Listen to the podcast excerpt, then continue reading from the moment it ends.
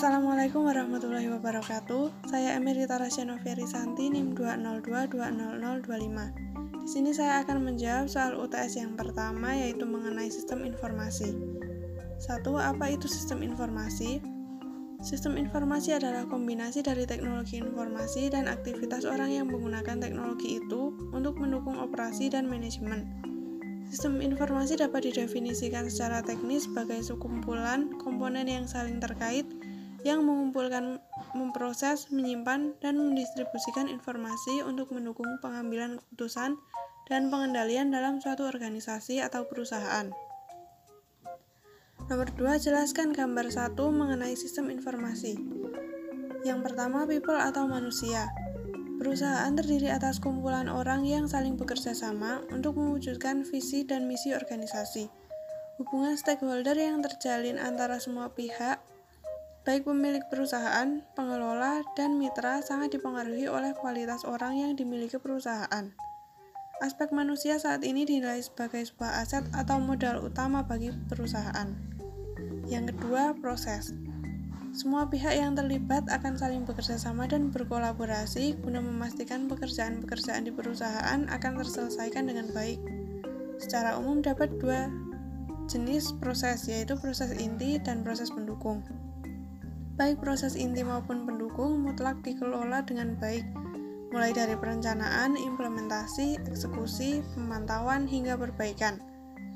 Proses inti mengacu pada rangkaian aktivitas yang secara langsung berhubungan dengan produk atau layanan kepada pelanggan. Yang ketiga adalah teknologi. Peranan teknologi saat ini sangat berpengaruh dalam perkembangan suatu bisnis. Penggunaan teknologi pada perusahaan akan memudahkan karyawan dalam menjalankan proses bisnis sehingga mempercepat terjadinya tercapainya tujuan perusahaan. Teknologi dapat berupa tools apa pun yang bisa digunakan untuk mengeksekusi proses bisnis maupun instruksi kerja lainnya. Tools tersebut bisa berupa teknologi informasi, peralatan kerja, mesin, alat ukur, dan lain sebagainya. Penggunaan teknologi harus berdampak terhadap efektivitas dan efisiensi kerja, baik dalam tataran personal, fungsional, maupun perusahaan secara keseluruhan. Nomor 3. Uraikan sejarah perkembangan sistem informasi dari era 1950-an hingga sekarang. Pada tahun 1957, Gian Horny mengembangkan transistor planar Teknologi ini memungkinkan pengembangan jutaan, bahkan miliaran transistor dimasukkan ke dalam sebuah keping kristal silikon. Kemudian USSR, Rusia pada saat itu, meluncurkan Sputnik sebagai satelit bumi buatan pertama yang bertugas sebagai mata-mata. Sebagai balasannya, Amerika pun membentuk Advanced Research Project Agency atau ARPA. Di bawah kewenangan Departemen Pertahanan Amerika untuk mengembangkan ilmu pengetahuan dan teknologi informasi dalam bidang militer. Pada tahun 1972, Ray Tomlinson menciptakan program email pertama yang digunakan untuk berkomunikasi jarak jauh menggunakan teks email dapat dikatakan sebagai surat elektronik. Pada tahun 1973 sampai 1990, Istilah internet diperkenalkan dalam sebuah paper mengenai TCP atau IP. Kemudian dilakukan pengembangan sebuah protokol jaringan yang kemudian dikenal dengan nama TCP atau IP yang dikembangkan oleh grup dari ARPA.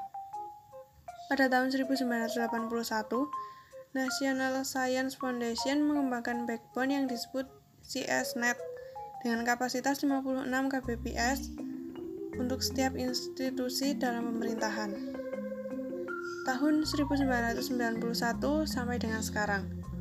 Sistem bisnis dalam bidang IT pertama kali terjadi ketika CERN dalam menanggulangi biaya operasionalnya memungut bayaran dari para anggotanya. Pada tahun 1992 pembentukan komunitas internet, kemudian diperkenalkan istilah World Wide Web atau WWW oleh CERN. Pada tahun 1993, NSF membentuk Internik untuk menyediakan jasa pelayanan internet menyangkut direktori dan penyimpanan data serta database. Pada tahun 1994, pertumbuhan internet melaju dengan sangat cepat dan mulai merambah ke dalam segala segi kehidupan manusia dan menjadi bagian yang tidak dapat dipisahkan dari manusia. Pada tahun 1995, perusahaan umum mulai diperkenalkan menjadi provider dengan membeli jaringan di backbone. Langkah ini memulai perkembangan teknologi informasi, khususnya internet, dan penelitian-penelitian untuk mengembangkan sistem yang dan alat yang lebih canggih. Nomor 4. Apa saja komponen informasi? Komponen informasi yang pertama ada teknologi.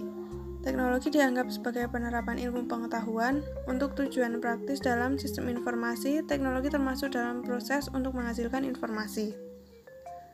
Yang kedua ada perangkat keras. Perangkat keras adalah bagian fisik yang berwujud dari suatu sistem informasi atau merupakan bagian yang dapat kita, sentuh, misalnya komputer, keyboard, dan flash drive. Yang ketiga, perangkat lunak. Perangkat lunak terdiri dari sekumpulan instruksi yang memberitahu perangkat keras apa yang harus dilakukan. Perangkat lunak tidak berwujud atau tidak dapat disentuh, misalnya sistem operasi Windows, pengolahan data Word, dan driver pengeras suara. Yang keempat, data. Data dapat dianggap sebagai kumpulan fakta, misalnya alamat, nomor telepon, dan jejaring sosial. Seperti perangkat lunak, data juga tidak berwujud, tidak dapat dilihat keadaan aslinya. Dalam perusahaan, data dikumpulkan dan digunakan untuk membuat keputusan, kemudian dapat dianalisis, sehingga analisis data digunakan untuk meningkatkan kinerja organisasi atau perusahaan tersebut. Dan yang terakhir adalah orang. Orang-orang yang terlibat dalam sistem informasi merupakan elemen penting dari staf pendukung, analisis sistem, pengembang, hingga Chief Information Officer atau CEO. Sekian dari saya, terima kasih. Wassalamualaikum warahmatullahi wabarakatuh.